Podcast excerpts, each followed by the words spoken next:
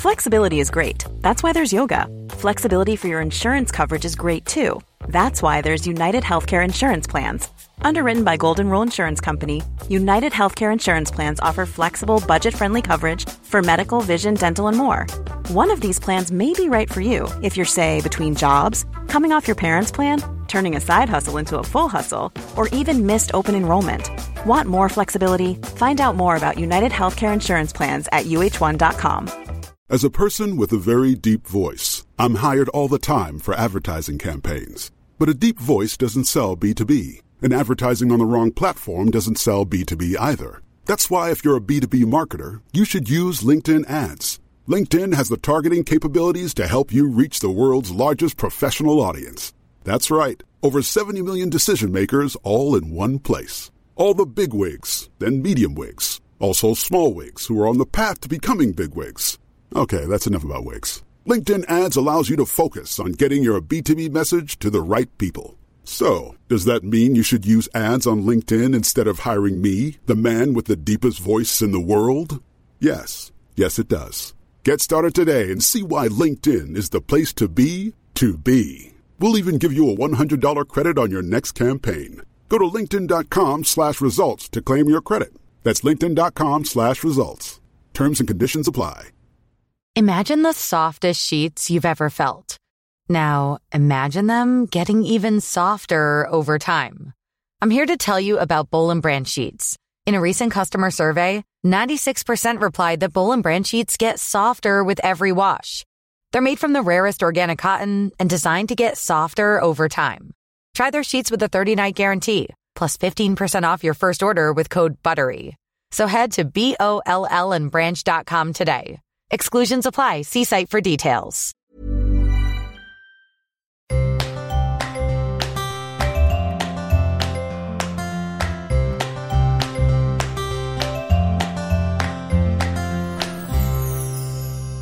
Dagens episode er inspirert av at jeg på lørdag fikk lov å se en kvinne oppfylle sin barndomsdrøm i et stappfullt rom på Latter. Der sto mor Therese og fylte hele salen med menn og kvinner som lo så tårene trillet. Og altså, latteren i det rommet der tror jeg bare løftet Altså, hadde det ikke løftet tak, så hadde Så hadde det taket der gått i himmelen. Er det ikke Jeg tror det er um, nå, nå, kjenner jeg at fotballtiden min kommer frem. Fordi da jeg var liten, så var jeg fan av eh, Vålerenga. Er, eh, min far er fra Lambertseter, så vi var Vålerenga-mennesker. Ironisk nok spilte jeg for Lyn, noe helt annet. De har en sang som heter Vålerenga kjerke. De synger om Vålerenga kirke og en brann den sto. Og så, der har de en setning som heter 'Med himmelen sjøl til tak'. Eh, eller som jeg har sagt 'Med himmelen selv til tak'. Og det er vel det jeg tror at Therese klarte å gjøre på lørdag. Altså, det var nesten som at hun løftet taket og fjernet hele taket. Der hun sto med himmelen selv til tak. Og det var så inspirerende å se noen få lov til å oppfylle en drøm de har gått og båret på siden de er fem. Og det fikk meg til å tenke på temadrømmer. Hvor viktig drømmene våre er for oss. Hvordan det kan være inspirerende å dra oss videre. Hvordan, det kan være demotiverende og skuffende når vi møter på frustrasjon eller stagnasjon eller motgang.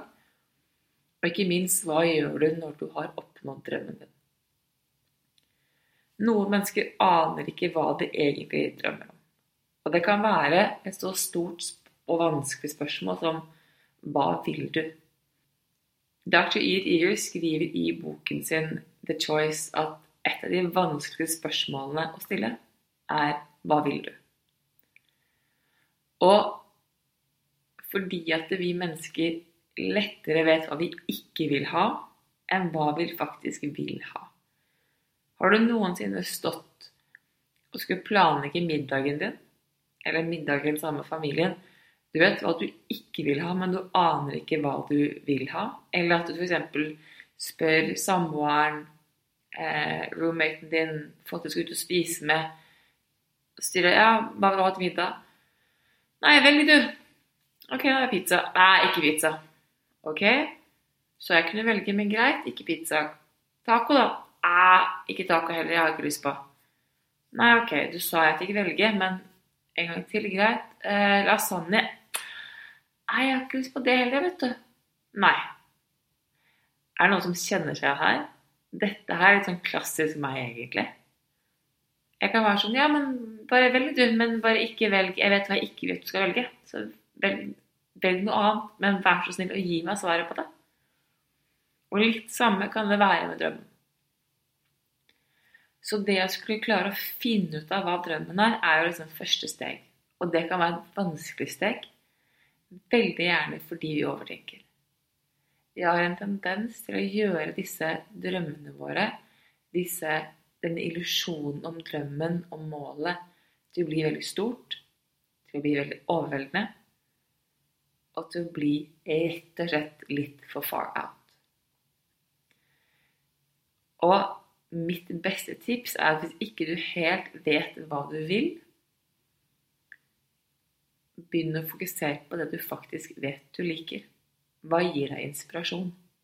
Hva gir deg motivasjon? Hva kjenner du at gir deg glede? Jeg er jo veldig fan av Lish Lakiani. Og han har jo skrevet to bøker. Han har skrevet flere. Men jeg har lest to av dem. Han har skrevet 'The Code of the Extraordinary Mind', en av de bøkene som endret livet mitt. Og så skrev han som oppfølger til den, så skrev han en bok som heter 'Burra and the Badass'. Og i 'Burra and the Badass' så er det et sitat av en som heter Rahal Svikromar, som er en professor på Cambridge universitet. Ja, et eller annet universitet i England. Og han sier Fremfor å prøve å inspirere andre mennesker, finn heller inspirasjon selv. Mennesker blir inspirert av andre mennesker som er inspirerte. Ikke hvis du forsøker å overbevise dem. Og det var det som skjedde med meg på lørdag.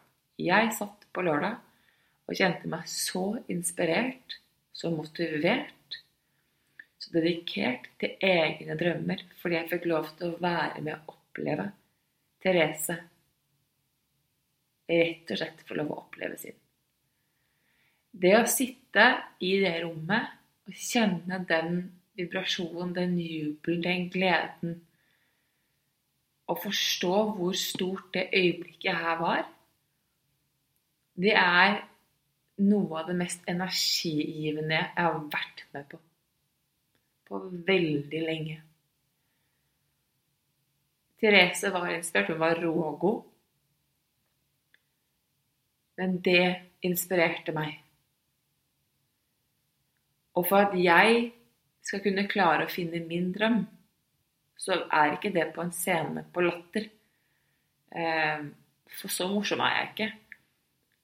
Men det kan gi meg energi til å tørre å dedikere mer tid til egen drøm. Det å faktisk sette seg ned og tenke ok, hva er det jeg liker å bruke tid på? Hva trives jeg å gjøre i stillhet? Og ironisk nok så må vi Folkens, hold dere fast. Jeg hadde hatet å høre det her for fem år siden.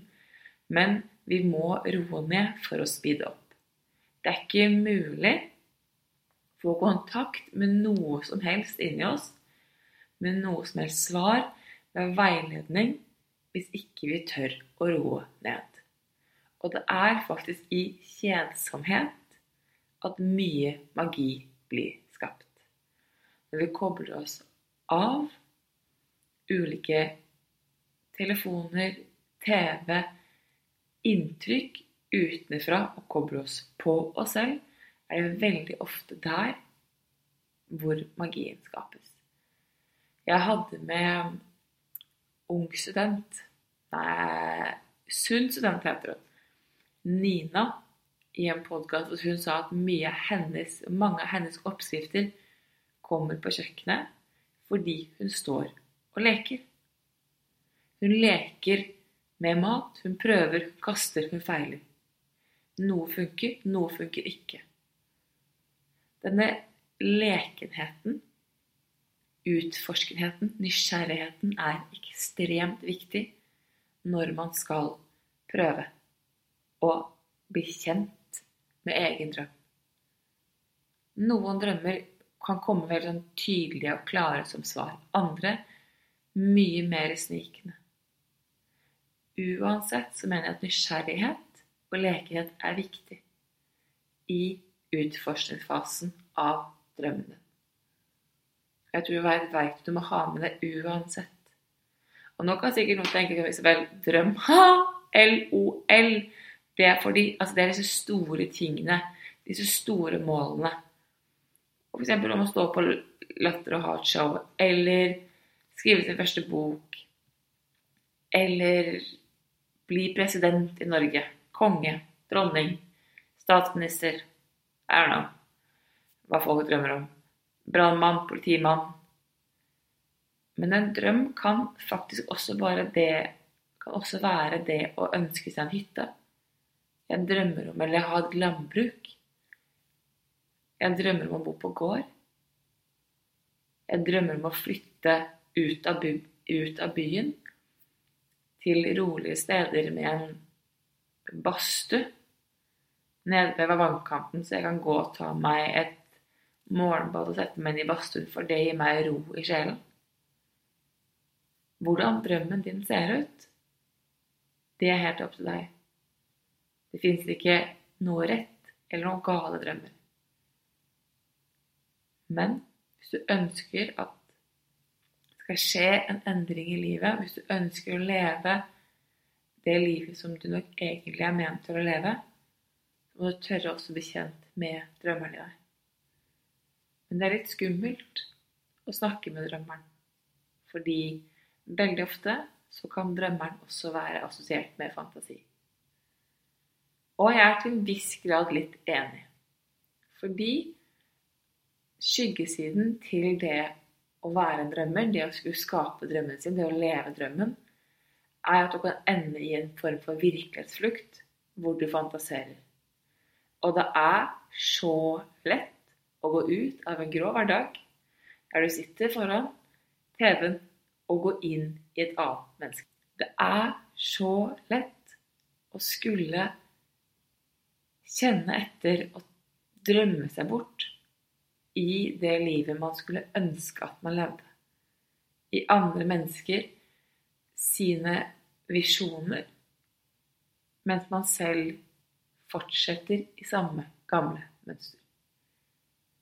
For forskjellen på det å fantasere og det å skape drømmen sin, er det å begynne å handle på den.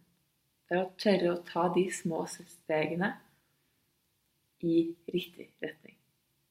Og da kan det faktisk være at et veldig sånn banalt lite steg man ikke tenker over, er rett og slett å ro ned. Skape en halv time hver dag som er din tid med deg. Gå på tur uten noen form for, noen form for musikk eller lyd i ørene. Bare vær, vær med deg. Se rundt deg. Hva inspirerer deg? Hva trekker deg? Hva tar oppmerksomheten din? Legg merke til hva som fanger oppmerksomheten din, og tør å utforske. Tør å leke. Lek med det som er rundt deg. Om det er mat, om det er klær, om det er sortering, om det er tanken om å skrive bok, om det er tekst, om det er farger, om det er rydding Altså, be my guest. Det, det, altså, her er det faktisk uendelig mange muligheter. Men du må tørre å prøve, og du må tørre å leke. For gjennom lekenheten så kan du kjenne på at du får mestringsfølelse. Og gjennom mestringsfølelse så kan vi også utvikle våre egne egenskaper. Vil det være skummelt for å gå for drømmen sin? 110 Men hadde det vært trygt så hadde det ikke vært verdt å gjøre. Det sies at du vet du er på vei mot noe du virkelig drømmer om når det begynner å bli skummelt. Når du kjenner at pulsen øker. Når du kjenner det ubehagelig. Hver eneste gang jeg gjør en endring som jeg mener er i riktig retning, så vet jeg at ubehaget kommer. Og for meg så er ikke det ubehaget her lenger en indikasjon på at dette er feil vei. Det er i dag en beskjed om at dette er skummelt, og det er bra. For nå vet jeg at du er i utvikling. Det er så enkelt å bli sittende fast sagt i gamle tanker i hverdagen og gjøre det vanlige. Det å skulle begynne å ta handling på en drøm som du kanskje ikke helt vet hva er, det virker skummelt. Jeg kan fortelle en annen ting. Det er veldig få mennesker som har hele puslespillet sitt ferdig. Det skapes mens det går. Jeg pleier ofte å ha en sånn form for bilde. Jeg tror på universet, jeg tror på manifestering og hele den sulamitten der. Og jeg tenker ofte at livet ønsker oss vel. Altså livet skjer for deg. Skjer det ikke for deg, så handler det om at du må skifte perspektiv til å se hvordan utfordringen du står i nå, kan være en mulighet til videreutvikling. Sånn generell i min tanke. Det er ikke alltid like enkelt, men veldig ofte er det det som er tilfellet, i hvert fall for meg. Og jeg pleier å se på at min tillit til livet viser seg veldig ofte i to Eller på den måten at jeg kan ofte ha en samtale jeg kjenner sånn Ok, livet, gi meg planen, og jeg skal gå veien. Fortell meg hva som skal skje, fortell meg hvordan det vil skje, fortell meg når det vil skje, og jeg skal gjøre det du ber om gjøre. Og så er det sånn mm, Nei. Isabel, hvis du vil gå veien, så må du tørre å gå inn i det ukjente. Og så vil vi veilede deg hele altså, gjennom mat sammen. Du vil få bit for bit, skritt for skritt men du kan ikke få hele planen en gang. Sånn, Nei. Men eh, ok, la meg være litt enklere, litt tydeligere på det. Gi meg bare oversikt over når det skjer. Nei, du må ha tillit i bunn først. Og jeg gikk lenge i en sånn dialog som det her før jeg til slutt skjønte at ok, skal det skje noe? Skal jeg gå ut av den virkelighetsfrukten som er inni hodet mitt? og inn i det som kalles for skapelse, som jeg faktisk tør å handle. Jeg må tørre å gjøre ting, og jeg må lytte til meg selv. Og det er der ting begynner å skje. Det er der hvor du går fra å ha en fantasi til å ha en drøm. Trenger andre mennesker å tro på drømmen din? Nei. Vil folk ha motstand på drømmen din? Ja.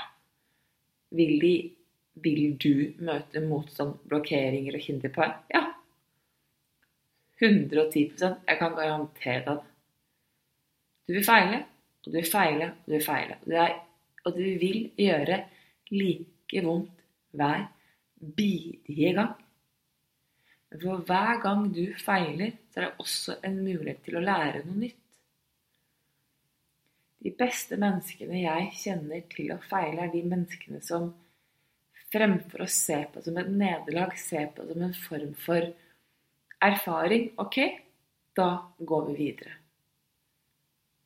I forskning, i vitenskap, så er du avhengig av å feile for å lære. Det er det egentlig feiling handler om. Det vi mennesker veldig ofte legger på toppen av det å faktisk ikke få til, er mestringsfølelsen eller er mangel på mestringsfølelsen. Gjerne i en god kombinasjon med utilstrekkelighet. Hvor vi kjenner på at vi ikke får til noen ting. Men det handler ikke egentlig noe om feilingen i seg selv. Det handler om vår opplevelse av den. På den andre siden skal vi alle sammen stå på en scene og motta rosen og motta applausen. Men vi er ikke villige til å gjøre jobben. Vi er ikke villige til å stå i det ubehaget fordi det er vondt. drømmen er bare en pris du får etter å ha feilet nok ganger. Det er bare en form for belønnelse, blir, blir feil å si, men det er en naturlig forlengelse av din egen utvikling. Så kan du si at spiller, ok, men hva med de som ønsker å, å vinne OL, da, som aldri kom på førsteplass? Så er det kanskje ikke OL de drømmer om. De drømmer om applausen. De drømmer om å komme først i mål. Det kan de få til. Da konkurrerer de ofte med seg selv. Så når man får det til, og de beste av de beste, de legger ned arbeid i det òg. Det fins ikke noe mer dedikerte mennesker til sin egen prosess enn idrettsmennesker. Og jeg hørte et intervju, jeg snakket om det her før, med Kobe Bryant, som sa det at han var ganske hard med sine lagkamerater. Kobe Bryant er en av de beste basketballspillerne som har levd. Han døde i en helikopterulykke for et par år siden. Eh, men han var kjent for sin enorme arbeidsmentalitet. Han sammenlignet veldig ofte med Michael Jordan. Og det som er, er at eh, Kobe Bryant var, var kjent for å være veldig hard med sine lagkamerater. Men som han sa, er at det er ingenting som irriterer meg mer enn å se talentfulle menn komme inn her ti minutter før trening, trene ferdig, gå ut igjen og dra på byen. Jeg er her timer før trening og timer etter trening for å terpe på meg og min kunnskap, meg og min, mitt talent, slik at jeg kan være best når det gjelder. Så sier han jeg sender ikke ballen til folk jeg ikke stoler på. Jeg stoler ikke på mennesker som ikke legger ned arbeidet. Det er x antall arbeid lagt inn i det. Samme er det med godeste Ed Sheeran. Det er en, en, et YouTube-klipp, jeg skal kan linke i bioen, hvor Ed Sheeran viser sin første eh, opptak når han synger som ung. Og det er egentlig litt funny, fordi han sitter i en talkshow, og så har han måttet ta av telefonen sin, så skal han gi det opptaket her. Og så holder han programlederen sånn, så han bare sånn Hold me. Og jeg elsker Ed Sheeran, så han har fantastisk stemme. Når han begynner å synge, det er så surt at man tenker jo Yes! Jeg kunne fått det bedre. Og som han sier, det er ingenting som irriterer han mer enn når folk sier sånn Ja, du er talentfull, du. Dette er talentet ditt. Nei, det er det ikke. Dette her er øving. Øving, øving, øving. Repetisjon, repetisjon, repetisjon, repetisjon. Når du hører første take hans, på hvor surt det er. Og så kan du gå inn på Spot og bare høre han synge der, eller gå inn på YouTube og høre han synge live. Så kan du tenke på hvor mange timer han har lagt ned i øvelse. Han har tatt drømmen fra fantasi til virkelighet fordi han har lagt ned arbeidet. Og det er noe av det viktigste jeg tenker at, at man kan snakke om, er at drømmer krever arbeid. Krever repetisjon. Det krever dedikasjon. Og det krever enormt med kjærlighet og tillit. For drømmen din vil aldri, i min verden og min opplevelse, tanke, skje på den måten A du vil at det skal skje på, eller når du tenker at tiden er inne. Drømmen din vil skje på sin egen naturlige og organiske måte. Og beste tips jeg har, er å gå ut av veien for egen drøm, og fremfor å forsøke å stå og kontrollere den, la den komme gjennom deg. La den få lov til å rett og slett se for at du skal føde et prosjekt. Altså det er det jeg, når jeg skriver bok. Så er jeg sånn Ok, nå skal jeg skrive en bok. Jeg skal bare skal komme gjennom meg en form for å for et mangel på bedre ord kanalisere det. Men jeg kan ikke styre den boken. Jeg må gjennom en prosess, ulik for hver gang. Sånn er det bare. Ethvert prosjekt De skal skapes. Og jo mer tillit, jo mindre kontroll. Jo mindre kontroll Kontroll Det var ikke så lett, det der. Å skape rom for nye muligheter, og ting kan skje. Jeg elsker, et, altså jeg elsker metaforen om at naturen finner sine veier til rom. Ugress kan vokse opp der ugress vil vokse opp. Det kan løfte røtter til trær, til blomster. Kan løfte asfalt. Hvordan har ikke peiling. Jeg vet bare livet finner rom. Der det er vilje, er det faktisk også mulig. Og så til de menneskene som man ser er på vei til å oppnå drømmen sin. Sånn som Therese som sto på lørdag og skinte som en Ja, hun skinte like sterkt som julestjerna skinner i en stjerneskinn i natt. Så er spørsmålet hva er drømmen bak drømmen? Fordi det å tørre å øke drømmen, det å tørre å ekspandere drømmen og dine tanker om hva A som er mulig for deg, og B hva du kan få til, tenker jeg er så sinnssykt viktig. Hvis drømmen din var å løpe 10 km, så føles 5 greit ut. 10 kan virke langt, 15 virker uoppnåelig. Hvis du da øker drømmen fra 10 til halvmaraton, så er plutselig ikke 15 så langt lenger. Da er 15 bare naturlig steg på vei i prosessen. Hvis du innimellom kan bli litt skremt av hvor store ting føles, se om du kan klare å koble på det som ligger bakenfor. Fordi det å vite hva visjonen bak visjonene, eller drømmen bak drømmen, det vil også føles mye mer ut som en vei å gå fremfor noe å skulle oppnå. Ga det mening? Så fremfor å tenke at ok, ja, Therese fikk jo drømmen sin, hun sto på scenen, hun tippet opp tommel opp. Then she's gone. No. Nå må hun inn i seg selv og kjenne på hva er drømmen bak drømmen. På lik linje som at Belinda gjør det, jeg gjør det, og alle andre gjør det. Folk som får det til, de ser når drømmen deres er på vei til å realiseres, så begynner de å jobbe med hva er neste. Ikke for å jage, men for å forberede hjernen sin på at vi er på vei videre. Vi skal bevege oss fremover. Fremover er utvikling. Og det er ganske sånn utrolig å se hva som skjer når du finner en drøm bak drømmen. Det er plutselig som at det målet du har satt deg, ikke er så stort lenger. Det føles bedre, det føles tryggere, og det føles mer ut som at det er noe du kan oppnå. Fordi drømmen bak drømmen blir liksom det du sikter mot. Det sies sikt mot eh, månen, så du havne et sted blant stjernene. Det er litt samme greia. Fortsett å gå. Fortsett å gå. Og så kan drømmen endre seg, og så kan visjonen bak visjonen bli annerledes. Og det er helt greit. Og kanskje du ikke vet. Det er fair, det òg. Men still deg selv spørsmålet. Få blikket opp og se hva som er foran deg.